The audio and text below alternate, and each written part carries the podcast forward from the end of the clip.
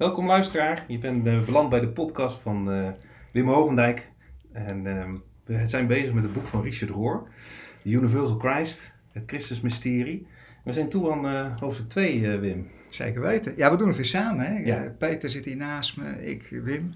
Dus we gaan weer over Richard Rohr aan, aan de slag. Ja. We hebben de inleiding gehad, we hebben het over hoofdstuk 1 gehad.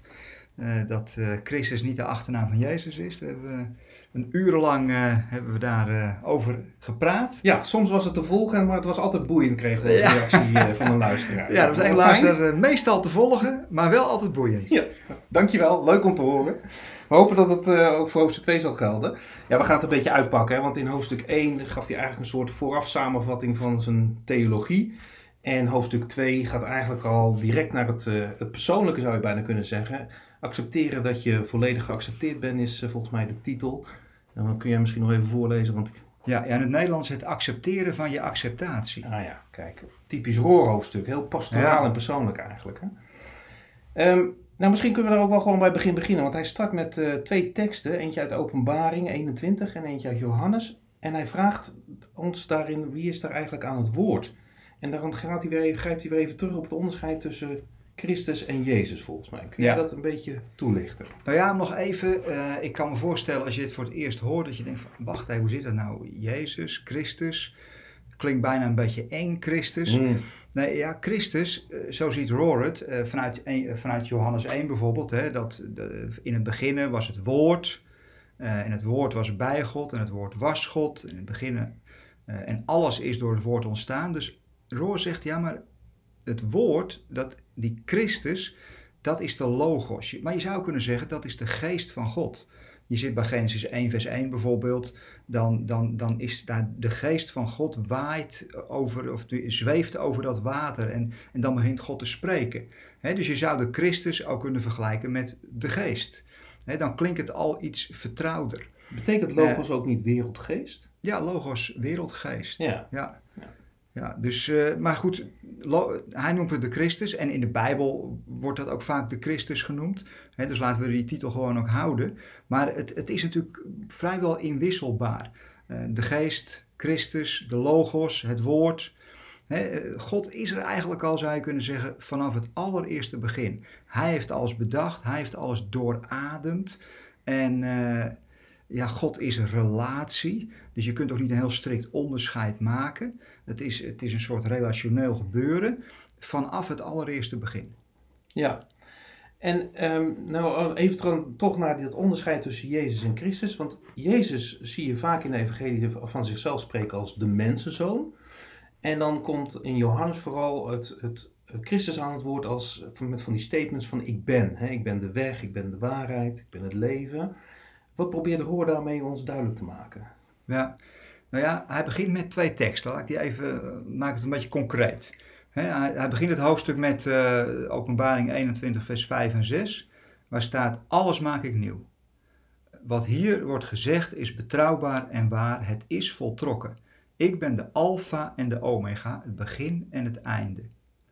En dan een, een, een tekst uit uh, Johannes 8, vers 58, waar staat: Waarachtig, ik verzeker u, van voordat Abraham er was, ben ik er. Nou, en dan komen we bij jouw vraag. Dan vraagt Roor zich af van, maar wie is hier nu aan het woord? Is dat Jezus, de Galileese timmerman, uh, begin van de jaartelling geboren? Of is dat iemand anders? En, en dan zegt Roor, ja maar wacht even, hier is de Christus aan het woord. Door Jezus heen. Door Jezus heen. Mhm. En eigenlijk uh, wat christenen hebben gedaan, is een soort geloofsprong gemaakt. Wat wij hebben gedaan, want daar uh, vind ik ons ook onder vallen, want wij volgen die Jezus. Uh, een geloofsprong gemaakt en hebben gezegd, de Christus is eigenlijk mens geworden in Jezus. Dus je zou kunnen zeggen, Jezus is aan de ene kant een tijdgebonden mens, eerste eeuw. Vlees en bloed. Vlees en bloed, precies zoals wij. Maar tegelijkertijd was hij helemaal vol van de Christus. Van die logos, van die wereldgeest. Of zoals Jezus het zelf zegt, ik en de Vader zijn één. Ja. dus hij was eigenlijk een soort ja, hij was misschien wel de eerste die, dat, die, die het goddelijke en het menselijke in één lichaam vertegenwoordigde samen. Ja, nou liet je hem al vallen, hè? dat hele spannende, want jij benoemt opeens de eerste. Hoezo de eerste? Hij is toch de enige Jezus? Nou ja, kijk, Jezus eh, zegt natuurlijk ergens bijvoorbeeld, ik ben de eersteling. Of ergens anders zegt hij, ik ben de eerste onder vele broeders. Ja, Hè, dus je zou kunnen zeggen, Jezus is het rolmodel. Jezus is de voorloper, het archetype. eh, het archetype. En dat geeft vertrouwen dat wat in Jezus waar is, ook in ons waar is. Wauw, dus je zegt daarmee, eigenlijk zegt hoor dat, dat Christus ook in ons kan ja, manifest worden. Of misschien wel is. Ja, kijk, Roor zegt eigenlijk van, kijk, je je zou kunnen zeggen, de hele schepping heeft een goddelijk DNA. En hoe kan het ook eigenlijk anders als je daar rustig over nadenkt? Want als er één God is, als er één geest is die alles ge- gecreëerd heeft, Ja, ja, wat voor DNA is er nog meer dan? Ja. Ja. Zijn er twee goden of meerdere scheppers? Of, dus er is één goddelijk DNA. En Roor zegt dat bewustzijn van ons, die, die zelfkennis van ons, ja, dat is eigenlijk Christus in je. En dus wat je in Jezus hebt gezien en wat we kennen vanuit de, de Bijbel, is een model voor wat, allemaal, wat, wat ook in ons waar is of wordt of steeds meer wordt. Hij verbindt daar het woord theosis aan, Go- God worden, zeg maar. Ja, ja, ja, nu gaan we gelijk wel de diepte in. Hè? We Ja. het eerst bedacht dat we rustig even, Ja, dat je nog even rustig je, je, je koffie kon pakken. En, eh, ja, kijk, weet je, hij noemt dat eh theosis. Kijk, de komst van Jezus, die, eh, die, die wordt in het christendom wel de incarnatie genoemd. Hè, je, je zou kunnen zeggen, Jezus wordt mens. Mhm. En, en eh, hij zegt, ja, dat woord incarnatie, eh, je kunt het, wordt ook wel verlossing genoemd. Jezus kwam ons verlossen. Ja. kwam ons verlossen van de zonde, van de dood enzovoort. Maar, zegt Roor, in de Oosterse kerk gebruiken ze niet het woord incarnatie voor de komst van Jezus. Mhm. En niet het woord verlossing, maar gebruiken ze het woord theosis. En theosis betekent vergoddelijking. Ja. Eh, en eh, zij zeggen dan, ja eigenlijk, doordat, doordat Jezus kwam, eh, het, het doel daarvan is dat de hele geschiedenis, Jezus, de Christus, dat de hele geschiedenis wordt opgenomen in de goddelijke aanwezigheid. Maar vanaf het begin. Dus ja, je zou kunnen zeggen, het gaat om de vergoddelijking van onze natuur. Je- of eh, wat nog wat, wat, wat bouter te zeggen, eh, wij zullen wa- zijn zoals hij is. En nu haal je een Dus bijbeltekst aan. we hè? krijgen deel aan die goddelijke natuur. Zij baseren dat op, volgens mij op 2 Petrus. Misschien moeten we daar ook even Ja, naar gaan kijken. Ik zal hem er even bij pakken. Eh, eh, in, eh, nou ja, in, in, in, onze traditie zijn we dat niet zo gewend. Dus het, ik kan me voorstellen als je dit hoort zonder dat ik er een, een tekst bij lees, dat je denkt van nou ja, dit, dit, dit slaat nergens op. Maar als je kijkt 2 Petrus 1, daar staat, hiermee zijn ons kostbare rijke beloften gedaan, opdat u zou ontkomen aan het verderf dat de wereld beheerst als gevolg van de begeerte en opdat u deel zou krijgen aan de goddelijke natuur. Dus wat is het doel van het hele scheppingsgebeuren, van eh, Aldus Roor, maar in 2 Petrus 1 en Aldus de Oosterse Kerk, wat is het doel van de komst van Jezus? Het doel van de Christus is dat, die, dat wij deel krijgen aan die goddelijke natuur. En, en dat eigenlijk daarbij, eh, de, de- hele schepping, want de, we hebben het de vorige keer over Romeinen 8 gehad, dat de schepping eh rijkhalsend uitkijkt naar het openbaar worden van de Zonen Gods. Ja. Ik denk dat dat een andere betiteling is van het beseffen dat je deel hebt aan die goddelijke natuur. En, en die hele schepping krijgt daarmee ook deel aan die goddelijke natuur. En kijk daar naar uit. Dus het heeft echt iets van Ja. een verwachting en een doel. En, en- ja, Ja, nou en dat is natuurlijk wel mooi aan die tekst uit Openbaring 21, waar we net mee begonnen, waar staat, alles maak ik nieuw. Dus eh, dat is vernieuwing, dat is restauratie. Hmm. De- daar wordt in het Grieks een woord gebruikt wat niet zozeer nieuw is in de zin van het was er eerst niet en nu komt het, maar nieuw in de zin van alles ga ik herstellen. Opnieuw dus oprichten. Opnieuw oprichten. Ja. Eh, ja, misschien wel bewust maken van het feit dat die goddelijke aanwezigheid er is. Eh, ik ben de alfa en de omega, het begin en het einde. Dat is natuurlijk een zeer positieve opvatting van geschiedenis. Geschiedenis is niet zomaar toevallig, eh, maar geschiedenis eh, eindigt niet in chaos, maar het leidt naar iets goeds. Het leidt naar vernieuwing. En het leidt, zoals het zegt, naar eh, de- de- dat de hele geschiedenis, de hele wereld, de hele kosmos wordt opgenomen in die goddelijke natuur. En ja, dat gaat natuurlijk zo ver dat we ons tot helemaal niet goed kunnen voorstellen, dit soort teksten. Nee. Maar het heeft natuurlijk wel heel veel praktische implicaties, maar daar, daar komen we straks nog wel op. Nou, ik wil eigenlijk even ook vragen, zie jij het net als Roor dat dit inderdaad echt de kern van het christen zijn is? Dat, hij noemt het het kern van het goede nieuws en de, het enige wat ook echt tra- transformerend kan werken in je denken en in je doen. Ben je dat met hem eens? Dat, we, dat idee van dat we deel krijgen aan die goddelijke natuur, dat dat ten diepste de kern is van christen zijn, christen worden?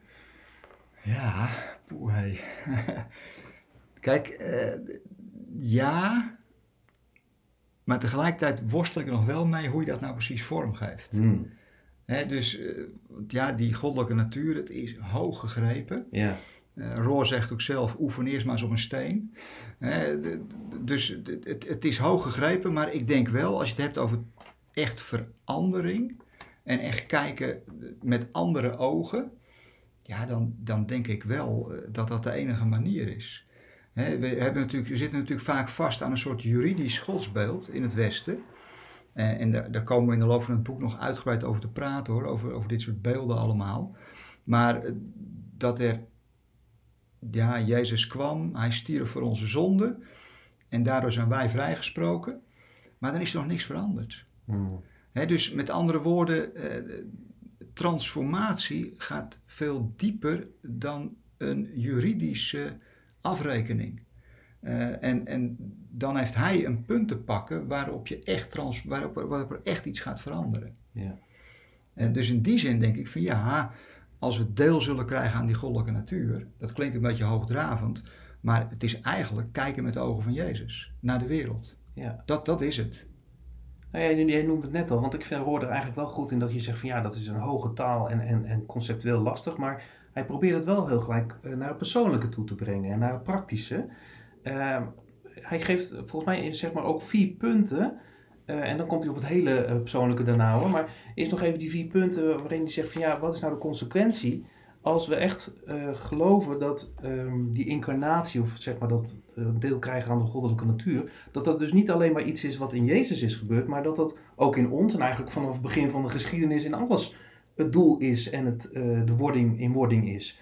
Ook, hij noemt dat ook het evolutionaire principe, zeg maar. Kun jij die, die punten eens langslopen? Want, eh, want dat zijn wel eh, stevige punten volgens mij die nou, daar naar voren komen. Ja, vier punten. Eh, ja, een goede preek heeft drie punten. Dus Ja. dit, is, dit is ofwel geen goede preek, of het is nog beter dan goed. Nou, hij begint met: God is geen oude man op een troon, maar God is eigenlijk relatie zelf. Oneindige liefde. Ja, vind ik wel een mooie. Wij, wij hebben de, de, de, de, de, oertoon van het bestaan is relatie. Eh, Daar hebben we het de vorige keer ook over gehad. Hè? Als je kijkt naar de allerkleinste deeltjes, energie die relaties aangaan. Zo zit hij, dus, nou ja, dat is de basis van de hele kosmos. Relatie en liefde. Eh, wij hebben vaak eh, van God een soort persoon gemaakt. We hebben hem op een troon gezet. Maar de Bijbel zegt, God is geest. Ja, niemand kan hem zien. Ja. Dus, maar het is geest die zichzelf gematerialiseerd heeft. Die zichzelf uitgestort heeft. eh, in Jezus, in de schepping. Zo wordt het tastbaar. Maar ten diepste is het relatie. Dus misschien dat daarom God ook wel geen naam mag hebben. Want zo ga je hem een naam geeft, maak je eigenlijk al een afgod van hem. Mhm. Want dan objectiveer je hem. Dan maak je een ding van hem terwijl het relatie zelf is. Word ik nu te vaag? Nee, Eh. niet voor mij. Maar ik zat me wel af te vragen, kijk, wat kun je het ergens te- eh, tegenaf zetten? Want ik heb je ook wel eens horen zeggen, het gevaar is dat wij van God, dus in plaats van een relatie, een relatie, een relationeel eh, idee, dat we er een soort uitwisseling, hè, voor wat hoort wat. Dat we dus God hebben gezegd, van, nou ja, als je in mij gelooft, scheld ik je, je schuld kwijt in Christus. Dus dat, dat, dat, misschien helpt dat als we er een, het contrast even laten zien van eh, waar we met veel christenen in welk spoor we nu nog vaak zitten, versus wat Roor hier aanreikt. Ja, ja. Nou kijk, nog even over die naam. Hè. Eh, hij koppelt dat heel mooi aan Exodus 3. Exodus Mhm. 3 vers 14. Als Mozes eh, naar de farao moet om daar te zeggen, laat mijn volk gaan. Nou, die farao is een soort almachtige koning en Mozes moet daar waarschijnlijk met zijn spraakgebrek, daarom mag hij Aaron meenemen, moet hij dat even gaan melden. En eh, dan zegt Mozes zeer terecht, ja, maar vanuit welke autoriteit spreek ik? En dan, eh, wie moet ik zeggen dat hij me gestuurd heeft? En dan komt dat hele beroemde, waar het Jodendom eigenlijk zich eh, in heeft gespecialiseerd, eh, dat hij moet zeggen, zeg maar, ik ben die er zijn zal. Die heeft je gestuurd. Dus met andere woorden, dat, binnen het Jodendom mag men dat niet uitspreken. Het is geen naam. Mhm. Het is eigenlijk ja, de aanwezige of eh, de pure aanwezigheid. Eh, de zijnde. Ja, dat is niks. Dat is geen naam. Nee. Hè, dus het, het mag geen naam hebben. En, en, en Roor koppelt eraan vast van, daaraan kun je zien dat God niet te vangen is in één cultuur, in één etniciteit, eh, in één waarheid. Nee, God is, zoals iemand anders zegt, the ground of being. Hij is de grond van alle bestaan. En de grond van alle bestaan is pure relatie. Is onvoorwaardelijke liefde. Nou moet je je voorstellen, en is ook persoonlijk geworden in Jezus. Mhm. Daarom kun je niet zonder Jezus. Mhm. Want de Christus, ja, dat is mentaal natuurlijk fantastisch, zoals Rood ook zegt. Ja. Want dat opent werelden, maar het blijft een beetje abstract. Dat, dat merk je nu al aan ons. ja. Eh, maar het is persoonlijk geworden in Jezus. Daarin heeft God in een persoon laten zien wat dat concreet betekent allemaal. Onvoorwaardelijke liefde, compassie, eh, vergeving, relatie. Eh, je ziet ook in Jezus dat hij bijvoorbeeld altijd weer eh, de tollenaars opzoekt, eh, de prostituees opzoekt. Eh, de, de, tenminste, ze zoeken hem op, want, want ze merken van ja, maar die man veroordeelt ons niet.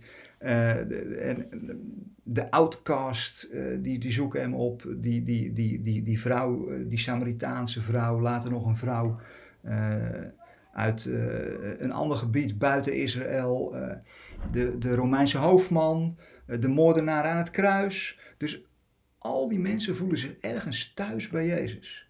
Het, het- ze worden zelfs zijn beste volgelingen. Dus, en, en, dus wat, wat Jezus doet, wat het wezen is ook van de Christus, is insluiten. Alles wordt ingesloten, want alles is in Christus. Eh, Colossense 3, vers, eh, vers 3 zegt zelfs, we zijn in Christus verborgen in God. Dus, dus alles bevindt zich in Christus. En, en, en Jezus laat het op een hele persoonlijke manier zien, door juist degene die door de cultuur van die dagen werd uitgesloten, in te sluiten. Het enige wat Jezus uitsluit, is uitsluiting. Ja. Dat is ook volgens mij waar jij net ook al op, op aanging van hoe maak ik het nou persoonlijk en praktisch. Hè? Van ik geloof dit ook, maar hoe leef je dat nou uit in je leven? Dat is de titel van dit hoofdstuk. Hè? Eh, Het start met accepteren dat je volledig geaccepteerd bent. Dus dat, dat jij al in die inclusieve liefde en in die inclusieve relatie ook ingesloten bent. Ja. En dat zie je volgens mij ook in al die personages. Dat die, die confrontatie met Jezus is toch vaak die, die zelfacceptatie of die acceptatie van je geliefd weten en erbij horen. Dat je eigenlijk er altijd al bij was. Dat er dus niet een soort drempel is die je, of een soort geloofsbelijdenis of een soort schuldbelijdenis die je eerst moet afleggen voordat je erbij hoort. Maar dat het eigenlijk omgekeerd is. Je hoorde er al bij. Ja. ja, dat is eigenlijk ten diepste natuurlijk waar relatie om draait. Je, je- bent een kind van God.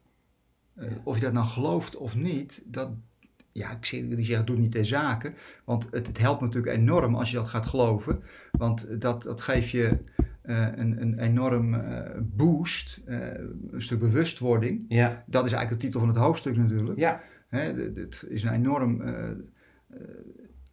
ja, vreugde. Het klinkt misschien een beetje ouderwets, maar het, het, het, ten diepste je geaccepteerd weten, dat, dat, dat, dat geeft je leven vaak zin en betekenis zelfs, zou ik bijna durven te zeggen. En dat is die bewustwording. Maar ja, je bent, ook als je het niet ziet en je gelooft er helemaal niks van, Mhm. je bent gewoon een kind van God. Je bent in Christus. Zoals we deze hele schepping in Christus is. Ja. Dus dat is echt onvoorwaardelijk. En heel belangrijk dat je het gaat zien en herkennen. Hè? Dat is ook zo'n paragraaf die daarna volgt. Want eh, dan, ik, ja, ik heb het maar even met, met Johan Cruijff eh, eh, taal. Je gaat het pas zien als je het door hebt, zeg maar. Dus dat je al geaccepteerd bent en je daarna ook geaccepteerd weten, ja, dat heeft er natuurlijk alles mee te maken. Dat je het pas gaat zien als je het door hebt. Ja, ja, ja.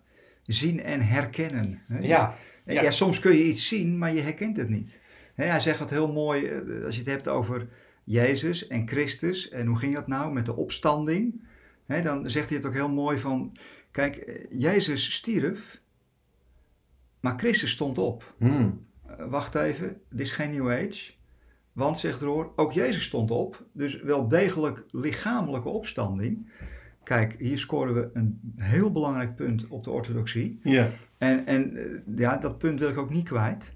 Maar, eh, dus, dus Jezus stond op, maar hij stond wel op ook als de Christus. ja ook Met andere soort- woorden, eh, ja, Marcus zegt ook, hij had een andere gedaan. Ja, dat wou ik net zeggen.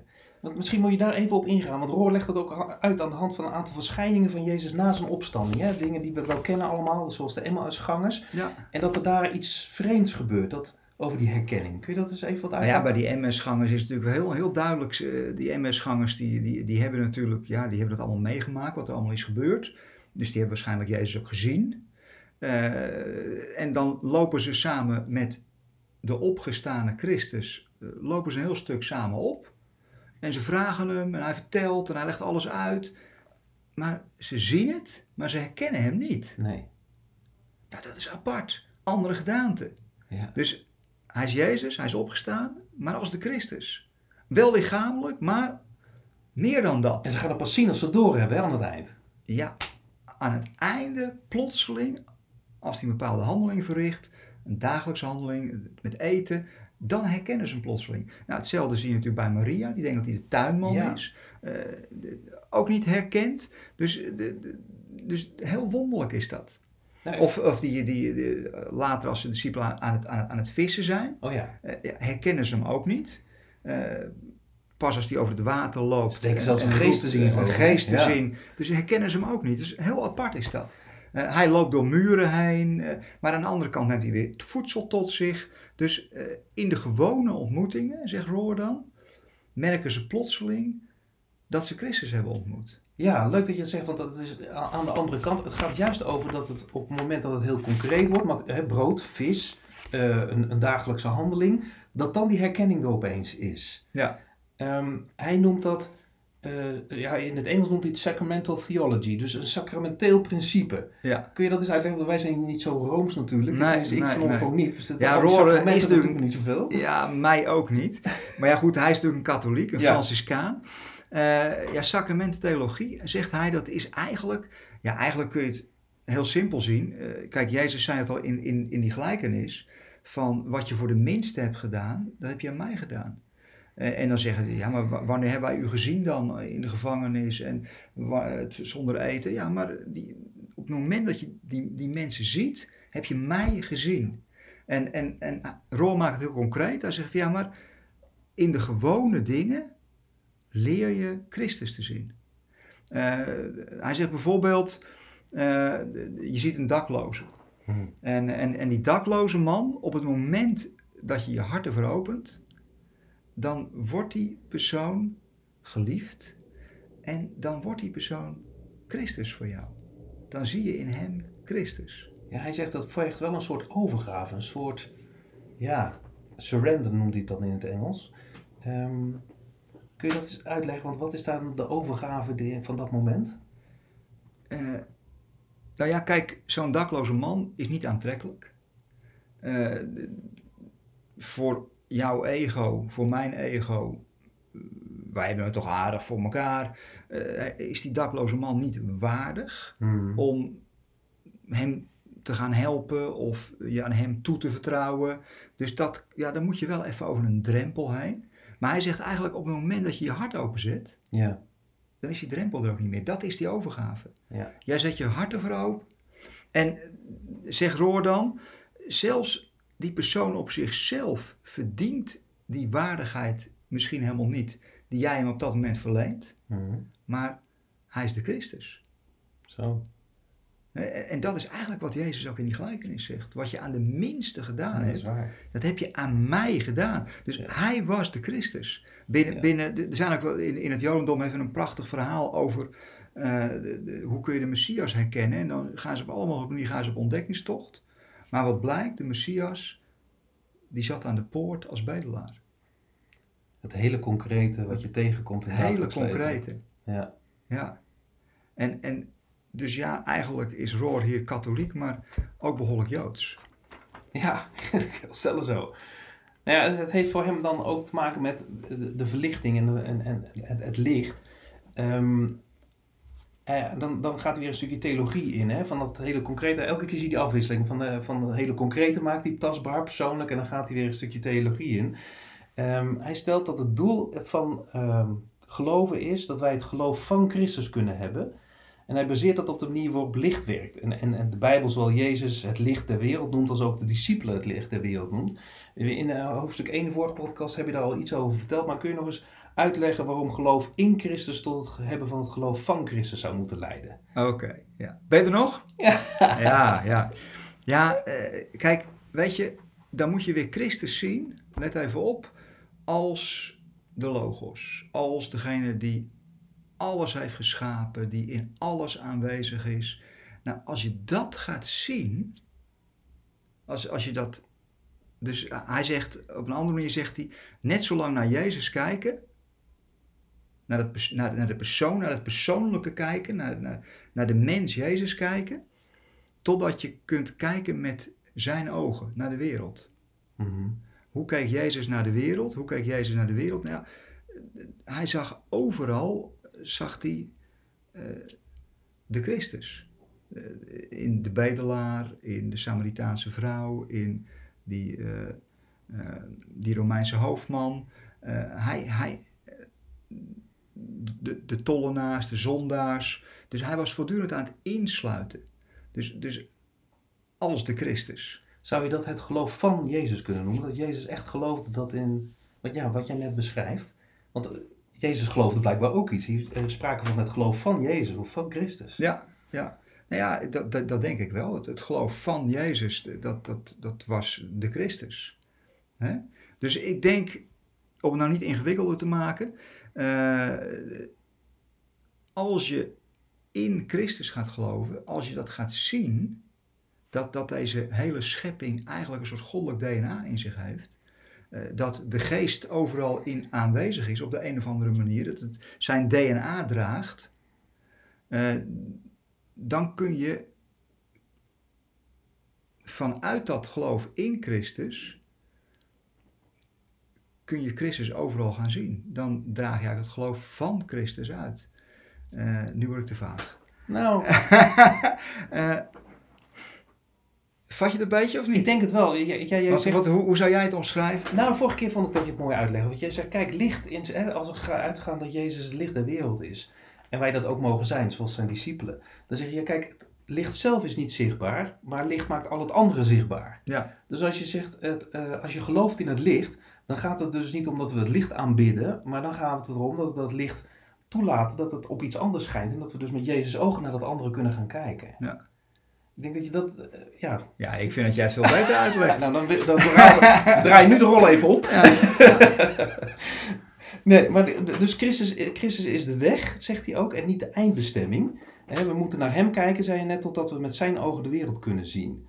Ehm, dan komt er een aantal bouten statements eh, vervolgens van horen. Hè? Als, het, als, je, als je dat neerzet als stelling, van nou, Ja. dat is de bedoeling, dan zegt hij ja, maar we hebben dus te vaak eh, de boodschappen verwisseld met de boodschappen. We zijn Jezus gaan aanbidden. Hè, mijn Jezus. Ik denk dan gelijk aan al die liederen die Ja. ik ook meezingen hoor. Ja. Van hart en trouwens ook met de, in de kerk.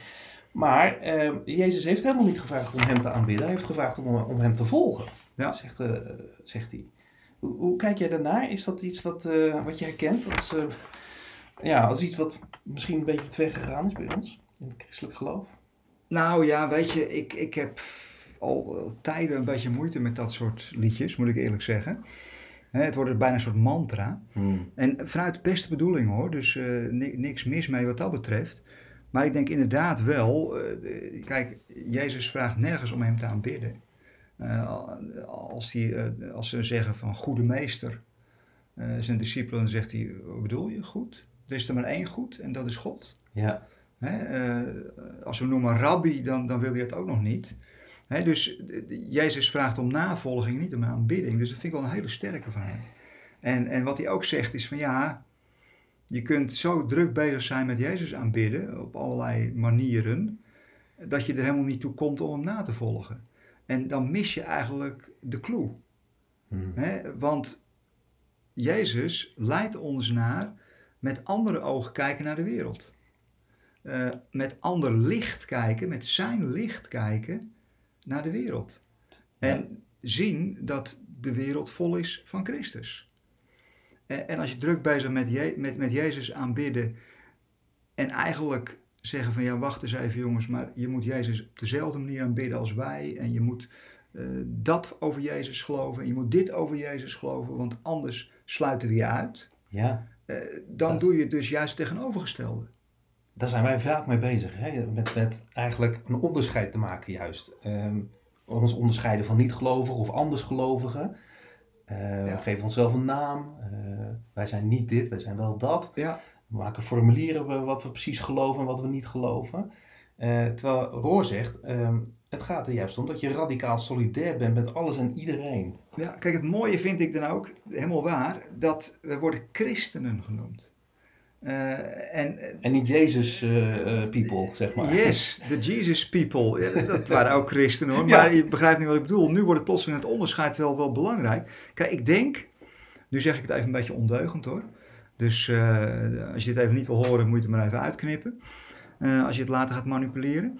Eh, nee, ga je natuurlijk niet doen. Nee. Maar in ieder geval, ja, als je je te veel focust op het aanbidden van Jezus, ben je eigenlijk bezig met het creëren van een afgod Hmm. dan wordt Jezus een soort afgod. Net zoals die staf van Mozes een soort afgod werd. Hmm. En toen moest Mozes die staf kapot maken. Ja. Want hij, ging, het, hij, had, hij had een functie, maar hij als afgod. Eh, hij- Dus natuurlijk, Jezus eh, heeft een functie. Hij kwam met een doel naar deze aarde. Maar het doel was niet dat we hem gingen aanbidden. Het doel was eh, dat we de Vader leren kennen. En dat we eh, een, een kwalitatief ander leven zouden, zouden, zouden leren kennen. Namelijk eh, het eeuwige leven. Maar dat is kwalitatief anders. Het is niet zozeer eindeloos, maar het is een andere kwaliteit van leven. Het is namelijk leven vanuit de Christus. Ja. Eh, het, het is zien zoals hij ziet. En als je dan de boodschapper gaat aanbidden, maar de boodschap mis je, dan heb je een afgod. Meer niet. Doet me een beetje denken aan dat boek van Peter Rollins. Volgens mij heet dat ook zo, hè? The Idolatry of God. Ja, daar Eh, komt hij eigenlijk ook op uit ja. natuurlijk. Ja, Vanuit een andere invalshoek, maar wel dezelfde eindconclusie. ja. Nou ja, dus...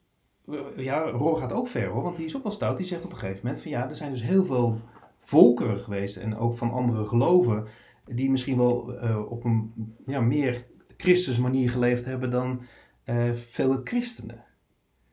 Ja. Dat is wel Weet je, ik, ik moet er wel eens aan denken. Eh, ik was een keer bij een, een bijeenkomst van het Nieuw Israëlitisch Weekblad. Mhm. Dat is een Joods weekblad in Nederland. En, en er was een hele oude man, eh, meneer Mok.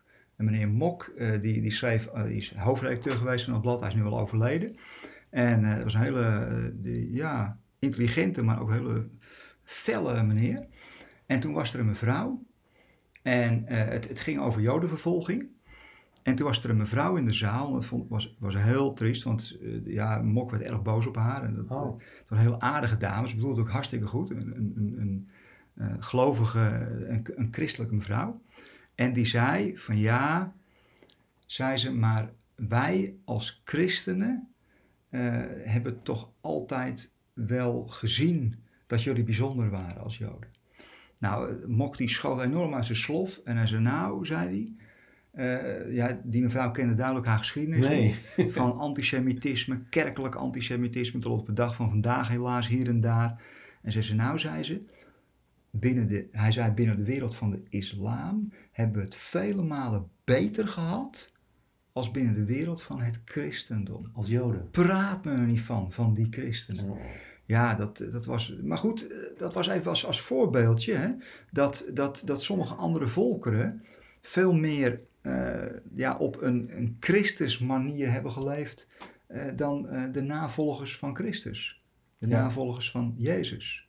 Ja, het verhaal wat je net vertelt doet me ook wel een klein beetje denken. Misschien ben ik nou een beetje stout, maar dat ehm Roor zelf ook wel heel grootmoedig doet over. Nou, we hebben de Hebreeuwse schriften opgenomen in onze kanon. En dat is toch eigenlijk een teken dat we heel inclusief zijn. En ehm, ja, hoe hebben we dat kunnen missen? Dat we zo inclusief zijn. Want kijk maar eens hoe, ja, hoe grootmoedig bij wijze van spreken. Even vanuit die houding die Ja. jij net een beetje beschrijft. Hè? Ja. Is, eh, heb jij dat ook zo gezien bij je hoor? Dat je... Ja, hier heb ik een punt eh, waarvan ik denk van ja, hier ga ik niet in Raw mee. Maar goed, we, we zijn ook geen fanclub van Raw, we zijn het boek aan het bespreken. Ja, Kijk, Roor die, eh, die zegt van ja, het christendom is heel inclusief, want het heeft de Joodse geschriften in zich opgenomen. Ja, nu draai je de zaak toch echt om. Ik, ik, ik denk de Joodse geschriften, kijk, de Christus heeft die Joodse geschriften doorademd, de geest. En eh, Israël wordt ook het licht van de naties genoemd. Dus, dus ook daar was de Christus al eh, in aan het werk. Dus ik denk dat je de Joodse geschriften echt eh, in, in één lijn moet zien met wat wij het Nieuwe Testament noemen. Dat het één boek is, de Tenach en het Nieuwe Testament, door dezelfde geest, door dezelfde logos doorademd. Hè, dus ik, ik zie dat anders dan. dus ik zie die twee als, als een twee-eenheid. Mm. Eh, en die, eh, ik zie toch echt eh, de Koran en, en de Veda's en weet ik het, allemaal andere geschriften. Natuurlijk staan die niet los van de Christus, maar die zet ik niet op hetzelfde niveau als de Joodse eh, als geschriften, de Tenach en het Nieuwe Testament. Nee, precies. Dus hierin, ik- weet niet of, of Roor dat wel doet hoor. Hij suggereert het hier bijna een beetje. Mm. Maar eh, de, de, de, zo goed eh, ken ik Roor verder niet. eh, buiten dit boek om heb ik hem daar nooit over gehoord. Dus dat moeten we nog maar eens eh, vragen of eens even vragen. opzoeken. Ja. Hè, maar, eh, maar wat ik wel met hem eens ben, is eh, dat hij zegt van ja, maar wacht even. Je ziet wel sporen van de logos, Mm. van liefde, van vergeving, van barmhartigheid, van solidariteit, van rechtvaardigheid. In andere godsdiensten terug, in natuurgodsdiensten terug, in, ehm, in, in wat dan ook terug, in ideologieën terug. Ja, zeker weten. Ja. Dat, dat zeker. ja, dat is ook weer dat stukje wat je misschien er toch nog eventjes op terugkomen. Dat, dat God is niet gebonden aan een naam. Nee. Hij, hij doet daar eh, op dit moment in het hoofdstuk volgens mij ook iets heel moois mee. Hij gaat uitleggen hoe die naam Yahweh, hoe dat, hoe dat in elkaar zit. Wil jij dat eens aan ons uitleggen? Over dat ademen en dat, eh, ehm, dat je de naam van God als een soort adem moet zien. Ja, nou ja, dat is eh, eigenlijk binnen, binnen het Jodendom ziet men dat zo. Rob Bell heeft het ook zo uitgelegd. Hij zei, ja, als je dat, als je dat in het Hebreeuws... Dan, dan is het bijna een soort ademtocht. Als je, als je, als je dat... Als je dat uit, Mhm. hè, je ademt als het ware. Hè, dus het, het, je zou kunnen zeggen, God ja, is zo intiem, dat hij, hij is de adem. Hè, de- of zoals ooit Klaas Schoverts eh, het ooit eens zei, een, een oud-testamenticus, en als je in perspectief een beetje kent, zul je die naam wel eens vaker gehoord hebben, die zegt van ja, maar we leven op de mond-tot-mond beademing van de geest. Dat is Yahweh. Ja, en iedereen Ja. ademt. Eh, iedereen ademt. Ja. Dus, dus eh, dat is ook wat, wat hij natuurlijk de incarnatie noemt, de, de vergoddelijking van de natuur. Hè, eh, ja, en dat is ook misschien wel de reden dat binnen het Jodendom heeft gezegd: van, ja, maar die naam moeten we nog maar niet uitspreken. Hmm. Dat is onuitsprekelijk. Want zodra je dat, die naam gaat, dat gaat toe-eigenen, ja, dan mis je hem eigenlijk al. Ja. De- we hebben natuurlijk, ja, en binnen het christendom, ja, we hebben natuurlijk, ja, wij hebben de juiste leer, wij hebben de, de echte Jezus. En jullie hebben een dwaalleer en jullie zitten fout. En we zijn voortdurend aan het oordelen en aan het onderscheiden en aan het toe-eigenen. We doen bijna niet anders. En zo komen we ook aan die honderden verschillende denominaties natuurlijk. Ja. Waarvan eh, wij natuurlijk lid zijn van de, de beste. Eh, dat is duidelijk. Maar ja, het is natuurlijk ja, eigenlijk een beetje flauwekul. Ja. Nou, op het persoonlijke, eh, want dan kom je toch ook weer terug naar de kern van dit hoofdstuk volgens mij. Dan gaat het over het verschil, het onderscheid tussen geliefd te zijn door Jezus en geliefd te zijn door Christus. Dus we hadden het net over dat accepteren, accepteren dat je volledig geaccepteerd bent. En hij werkt dat nog even iets verder uit in die laatste alinea over het onderscheid. Van nou, als je nou je geaccepteerd, geliefd weet door Jezus, dan vergroot dat je, ja, hoe noem je dat, je hartcapaciteit, eh, je vermogen van je het hart. En als je geliefd bent door, je, je geliefd weet door Christus, dan vergroot dat je mentale capaciteit. Wat, wat bedoelt Roor hiermee te zeggen? Nou ja, kijk, het geliefd zijn door Jezus, zoals ik Ron nu lezen. Dus eh, reageer eh, Ja. graag als je het anders ziet hoor. Maar eh, geliefd zijn door Jezus, dat is persoonlijk. Dat is relationeel. Want dat is de persoonlijke incarnatie van de Christus, zeg maar, in je. Ja, en, en toen, toen de geest kwam in de persoon van Jezus, de volledige volheid van God woont in hem. Hè. Dat staat ook in, in Colossense 1. Eh, ja, toen bleek, eh, ja, daar, daar, daar, kun- daar kunnen we iets mee. Dat is heel concreet. Mhm. Eh, Dan kun je relatie dan kun je relatie, dat Ja. is relatie, je- dat is vergeving. je kunt je aan hem spiegelen, je, je, je kunt bij hem terecht. Dat is heel persoonlijk. Maar, dus dat vergroot, zegt hij, de capaciteit van ons hart. Ja. Eh, Waarbij het hart eigenlijk iets persoonlijks is, iets wat klopt voor een ander. Ja. ja, ja, daar kun je van houden. Mhm. Maar tegelijkertijd zegt hij weer: van ja, maar als je van Jezus houdt zonder de Christus, zonder dat je ziet dat Jezus de Christus is, dan kan het wat te persoonlijk gaan worden en wat te individualistisch. Waar we soms in de evangelische beweging een beetje last van hebben. Mhm. Ik en Jezus. Mijn Jezus, Mijn ja. Jezus. eh, en, en wij regelen het samen wel even. En ik vraag het wel even aan Jezus. En, en dan wordt het hyper individualistisch. Van ik ga naar de hemel, want ik heb Jezus. En Dan krijg je exclusiviteit. dan wordt het heel exclusief. Dan wordt het sentimenteel. Hm. Eh, sommige liedjes die, die ademen een bepaalde sentimentaliteit uit. Dat je denkt van ja, daar word je een beetje weeg van Ja, bijna. en dan ga je dan ook op drijven, want heel je dienst moet dan eigenlijk wel dat ook Ja, keer oproepen ja. en die belevenis Ja. neerzetten. En het, het, het kan zelfs behoorlijk nationalistisch worden. Het, eh, je kunt het in je cultuur eh, importeren. Van onze cultuur is christelijk, die andere culturen dat zijn de vijanden. De, de clash of civilizations krijg je dan. Hè, de christelijke westelijke beschaving tegen de rest van de wereld. Dus dan wordt het een soort strijd Ja. omdat het niet universeel is. Want de Christus doorademt alles.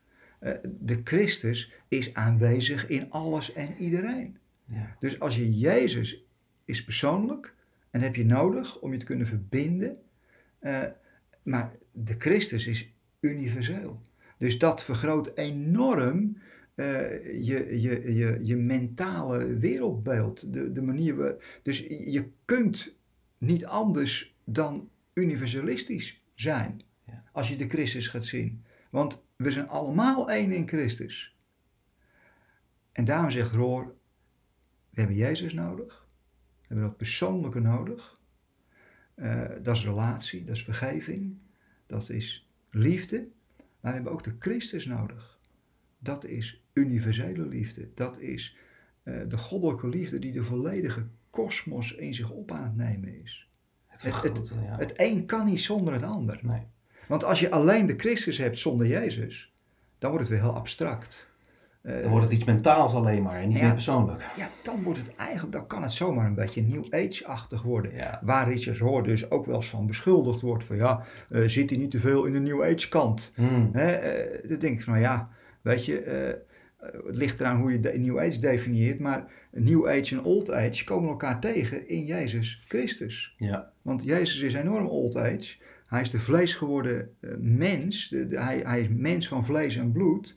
Eh, maar de Christus is van alle tijden. Is niet New Age, is Old Age en Hmm. Middle Age en New Age en Newer Age. Het is namelijk de geest die waait waarheen die wil. Nou, misschien ook wel in de traditie van Recitrore, dat hebben we ons voorgenomen om ook elke keer eh, een moment te nemen van overweging en contemplatie. En ehm, ik denk dat het goed is dat we nu zo'n zin weer pakken hier aan het eind van dit hoofdstuk.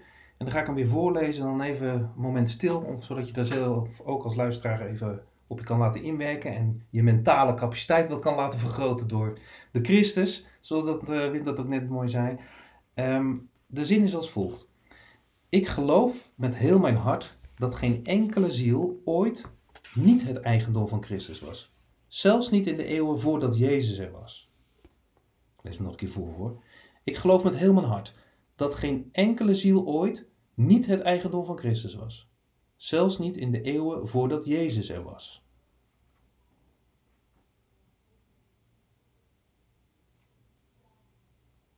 Ja, de vraag die ik natuurlijk heb is, geloof jij dat ook, Wim? En jij? Ja, en ik vind het zelfs steeds belangrijker worden in mijn leven dat ik dat mag geloven. Ehm, dat geen enkele ziel ooit niet het eigendom van Christus was. Kijk, maar ja, misschien ook wel om heel persoonlijk te zijn. Ik, ik heb eh, jong een, een, een moeder verloren, jij eigenlijk ook, hè? En bij mijn weten heeft mijn moeder eh, nooit eh, Jezus als de Christus gezien of moest iets van het geloof hebben of iets dergelijks. En het heeft mij heel lang heel erg dwars gezeten dat ik dacht van ja, nou ben ik gaan geloven en ik heb mijn ticket, hè, want ja, ik Ja. heb Jezus al aanvaard in mijn, in mijn leven zoals ik dat leerde in de kerk. Ja, maar mijn moeder wel. Maar ja, en er was geen hoop voor. Hè. Nou, de een was nog wat coulanter dan de ander. Die zei van ja, maar je weet nooit wat er op dat laatste moment op het sterfbed is gebeurd. Of hè, God is genadig. En dan werd het een beetje in het midden gehouden. Want ja, keihard zeggen van nou, dan eh, brand je moeder voor eeuwig in de hel. Dat ga je natuurlijk niet tegen iemand zeggen. Tenminste, als je enige pastoraal gevoel hebt. Maar dit, dit geloof dat je dus met heel je hart mag weten dat ook mijn moeder geaccepteerd is, omdat ze gewoon al een kind van God was, zonder dat ze dat misschien zelf wist. Ja, dat is wel heel essentieel in mijn leven geworden. Want ja, ik hou wel van haar. Ja. En dan zou God niet van haar houden? Dat kan eigenlijk helemaal niet. Ja, voor mij ook hoor. Ik bedoel, ik, ik sta hetzelfde in als jij. Zou je niet verbazen. Nee. Hè, maar eh, ja, weet je, het kan toch ook niet anders. Ik, eh, voor mij is het zo essentieel. Kijk, God heeft in Christus alles bedacht. Alles wat er is, heeft hij bedacht. Ja, dan is het ook, toch ook logisch dat alles met hem ten diepste verbonden is. Natuurlijk is er kwaad en er is onrecht, maar dat is ontaarding. Hmm. Dus eh, dat is losgeraakt. Maar in, in wezen is het allemaal, het is allemaal verbonden met Christus. Hè, nou ja, ik, eh, de- mijn moeder eh, is natuurlijk, in die zin, ja, die was natuurlijk een stuk ouder dan, dan jouw moeder. Eh, maar ja, die is ook vrij jong overleden. En ja, mijn moeder, die, ja, die, die, die, die geloofde wel in de libel en de margriet. Ik zeg het een beetje plat hoor, want ik hield enorm veel van haar. Maar ja, dat, dat, dat christendom, dat zei er niet zoveel. En die Bijbel ook niet. En, eh, en nou ja, ik heb inderdaad wel eens iemand ontmoet. Ik werkte toen bij een christelijke organisatie. En, en eh, toen was mijn moeder net overleden. En ja, die zei van, joh, wat vervelend, gecondoleerd. En nou, geloofde je moeder? En dan verwacht zo iemand dat ik zeg ja. ja. Ik zei, nou, nee. Oh, oh. En eh, ja. Nou ja, misschien in de laatste momenten. Ik Ja, zeg, zie je joh, dat? ik zeg, nee, ook niet in de laatste momenten. Ik zeg, maar, voor mij is ze niet verloren hoor. Ik geloof dat ze gewoon bij, bij God is. En dat hij eindeloos veel van haar houdt. En dat het allemaal goed komt. Nou, maar zo mocht ik dat niet zien. En toen kregen we daar een hele vervelende discussie. Want hij zei, nee, zei die Wim, als jouw moeder dat niet heeft gezien, dan is ze eindeloos verloren. En toen zei ik tegen hem, ik zei, joh, weet je, als dat zo is, dan kies ik voor mijn moeder en niet voor Christus. Hmm. Dan ben ik liever met haar in die hel, zoals jij dat ziet. Moeten we een ander moment maar eens over hebben, hoe wij dat zien. Dan ben ik daar liever met haar dan in die hemel zonder haar. Nou, dat, dat vond hij godslastelijk dat ik het zo zei. Oké, ik vond het wat anders. Maar is, ja, wel heel persoonlijk is dat. Ja, Ja. absoluut. Ja. En ik denk dat je daar ook alle bijbelse grond voor hebt. eh, Wat Roor ook probeert aan te geven. We zijn één in Christus. Ja. Ja.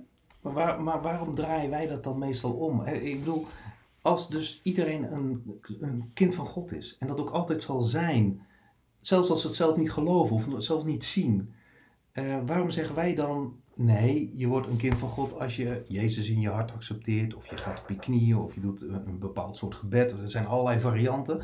Maar de, de essentie is dat we het omdraaien. Ja. Dat het pas waar wordt als je het gaat geloven. Ja, ja nou, dat is een mooie. Nou ja, we hebben natuurlijk, eh, ons geloof hebben we de vorige keer ook al even bij stilgestaan. We hebben het vrij intellectualistisch allemaal gemaakt. Je moet bepaalde waarheden moet je, eh, beamen en dan hoor je erbij. Ja. Dus eh, we hebben eigenlijk de, de ratio, het is eigenlijk heel erg rationalistisch geworden. Een contract eigenlijk. Het is een soort contract. terwijl in een verbond, God heeft, met, je zou het anders, eh, binnen Israël zou men zeggen, God heeft een onvoorwaardelijk verbond gesloten met de aarde. Eh, in Abraham met alle volkeren. En, en een onvoorwaardelijk verbond, daar ben je onderdeel van. Of je dat nou wil of niet, want het is namelijk zonder voorwaarden. Hmm. Als er geen voorwaarden zijn, kun je er ook niet uitstappen, want er zijn geen voorwaarden. Ja. Dus je kunt niet de voorwaarden verbreken, want die zijn er niet. Eh, ik heb ooit wel eens gezegd in een preek, eh, toen God zich verbond met Abraham, onvoorwaardelijk, had Abraham ervoor kunnen kiezen om de volgende dag moslim te worden. Had een beetje lastig geweest, want de, de islam bestond nog niet, maar ja, bij wijze van spreken. Ja. Maar dan was dat verbond niet verbroken, want dat kon niet verbroken worden. Nee. En, en zo is deze hele schepping in Christus. In Hem leven en bewegen wij ons. Eh, dat kan niet anders. Dus eh, die- die hele schepping is met huid en haar verbonden met Christus. Ja. Dus je bent een kind van God. Ja, natuurlijk. Want dat goddelijk DNA, dat, dat zit in je. Ja, die geeft ook de, de clue van, dan gaat het van ik naar wij. Dus als jij, als je denkt van, ja, ben ik een kind van God? Ja, natuurlijk ben jij een kind van God. Niet omdat je er iets voor gedaan hebt of omdat je iets gelooft, maar omdat we allemaal kinderen van God zijn, ben jij natuurlijk ook een kind van God, want jij bent onderdeel van we. Ja, ja. Ja, Dat maakt het ook veel is. simpeler. Hè? Dan, zitten er, dan gaat het dus niet over jij genoeg eh, eh, perfect bent of dat je eh, voldoet. Of dat je, al die last kan er vanaf vallen, want jij bent onderdeel van het geheel. Ja. En daarom ben je dus ook gered. Ja, Want het geheel is gered. Ja, nee, helemaal waar. Ik denk dat dat de clue is. Hoe zouden we dat, even als laatste vraag hoor, even fantaseren. Stel nou, jij en ik zitten allebei in dezelfde kerk. En wij kennen dat gebruik dat we eh, nieuwe leden, hè, die willen toetreden, en een- of, of iemand die gedoopt wil worden, dan nodigen we hem uit op het podium en zeggen, nou, hè, hartstikke fijn. Eh, je hebt eh, de Heer Jezus leren kennen en je hebt hem geaccepteerd als jouw redder en verlosser. En wil je daar nog even een paar vragen over beantwoorden en dan gaan we je dopen. Of dan ben je volwaardig lid van de kerk, dan mag je meepraten. Je kent het wel. Ja, Hoe zouden we nou, want het is eigenlijk omgedraaid. Je bent al lang kind van God en fijn dat je dat eindelijk bent gaan zien.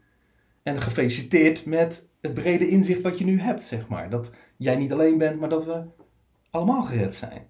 Hoe zouden we dat kunnen vormgeven? Als je aan zo'n ritueel denkt wat bijvoorbeeld nou, nieuwe leden of, of, of gedoopt worden. ja nou, dat is een goeie. Eh, je, zou het bijna in een boekje over herkerken moeten... moeten hè. Er is een boekje herkerken, maar dit, dit onderdeel kom ik er niet in tegen. Ja, eh, weet je, je ja, meer als een soort viering, denk ik. Dus als een stukje bewustwording van, van datgene wat je altijd al was. Hmm. Eh, we hebben het ooit wel eens genoemd, worden wie je bent. Ja. Eh, dus niet zozeer van, eh, ik heb het licht ontdekt, of ik heb het licht gevonden, of ik was verloren, maar nu, nu ben ik gered. Je was in die zin verloren dat je niet bewust was dat je al lang gevonden was. Ja. Hè? eh, dus een soort bewust, eh, meer een soort viering denk ik. Het is wel een mooi eikmoment. ja. Feest van her- herkenning. Een feest van erkenning. herkenning, vind ik wel een mooie. Ja. Hè, de- de- ja. Vind ik trouwens ook wel wat, wat hij zegt. We hadden die, die vier punten, die waren we helemaal vergeten. Hmm. Eh, God is relatie. God heeft in het begin alles geschapen in zijn oneindige liefde. Nou, we hebben het eigenlijk overal over gehad hoor. Het goddelijk DNA wordt door alle schepselen gedragen. Ja. Vind ik trouwens ook wel mooi. Dat wat wij ziel noemen, of zelf, dat is eigenlijk de zelfkennis van God in dat schepsel. Dat vind ik ook wel heel mooi. De viering van zelfkennis. De viering van zelfkennis, ook wel een mooie. Dat doen we eigenlijk ook als onze kinderen volwassen worden. Hè? Dan vier je eigenlijk dat ze voldoende retro, eh, in, in- ja, eh, terug kunnen kijken naar zichzelf. Ja. Eh, ja. Dat wil niet zeggen, hè? vroeger had je dan een soort riten die je moest passeren om als volwassene gerekend te worden. Dat doen we tegenwoordig ook anders. Nou ja, binnen het Jodendom heeft men ook zoiets. Hè? Dan, dan, dan word je een, een zoon van de Torah of een dochter van de Torah. Ja. Dan, dan kom je eigenlijk tot een soort kennis van de Torah. En kennis van de Torah is eigenlijk ook zelfkennis. Hè? Dus, dus het zit daar ergens wel in verweven. Wat ik nog wel een mooie vond, hè, die wil ik je toch even niet onthouden hoor. Dat zolang we God gevangen houden in een concept van straf of vergelding, in plaats van herstel, we het niet daadwerkelijk over goed nieuws hebben. Dat vind ik wel een hele sterke. Mm. Mm. En vaak hoor je toch van, eh, heb je het over de liefde en de- de liefde van God, maar er is ook oordeel. En dan in één klap is alle optimisme weg en zitten we weer in een soort hel- en verdoemenis sfeer van pas op, want anders. Ja, en Roor die zegt van ja, zolang je nog in dat concept zit van vergelding en straf, dan heb je het helemaal niet over goed nieuws. Dan ben je aan het echte goede nieuws helemaal niet toegekomen. En, het mooie, maar aan een ander moment moeten we daar maar eens wat verder over doorfilosoferen. Maar, maar die zegt, en eigenlijk zeggen we dat in perspectief al jaren, maar vergelding en straf, dat is niet het wezen van God.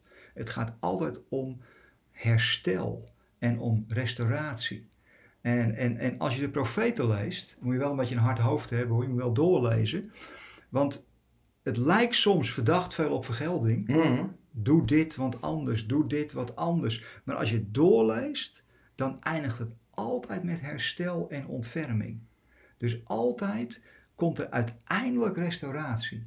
En, en zat dat altijd al opgesloten in het hart van God. Heel sterk vind je dat natuurlijk in dat beroemde, beruchte hoofdstuk Ezekiel 16, waar het uit de, de, de, de straf over Jeruzalem en de straf over Sodom leidt, uit, leidt uiteindelijk tot een herstel van Jeruzalem en tot een herstel van Sodom. Dus het is altijd weer restauratie.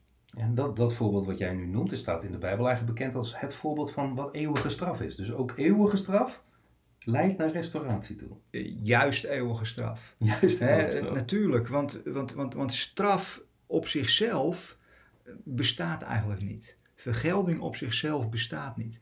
Het, het, is, het, het, het, het, het, het lijkt op vergelding, om, maar het leidt altijd tot herstel. Dus het is nooit vergelding op zichzelf.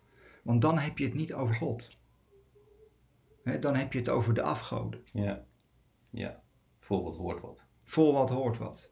En, en, en zo hebben we soms natuurlijk ook het offer van Jezus geïnterpreteerd. Maar dan, moet, dan gaan we het op een ander hoofdstuk, gaat hij daar een heel hoofdstuk op door. Maar als een soort vergelding en als een soort genoegdoening. Ja. Nou, ik denk dat je dan eigenlijk het offer van Jezus verwart met een heidense cultus, wat het echt niet is. Nee.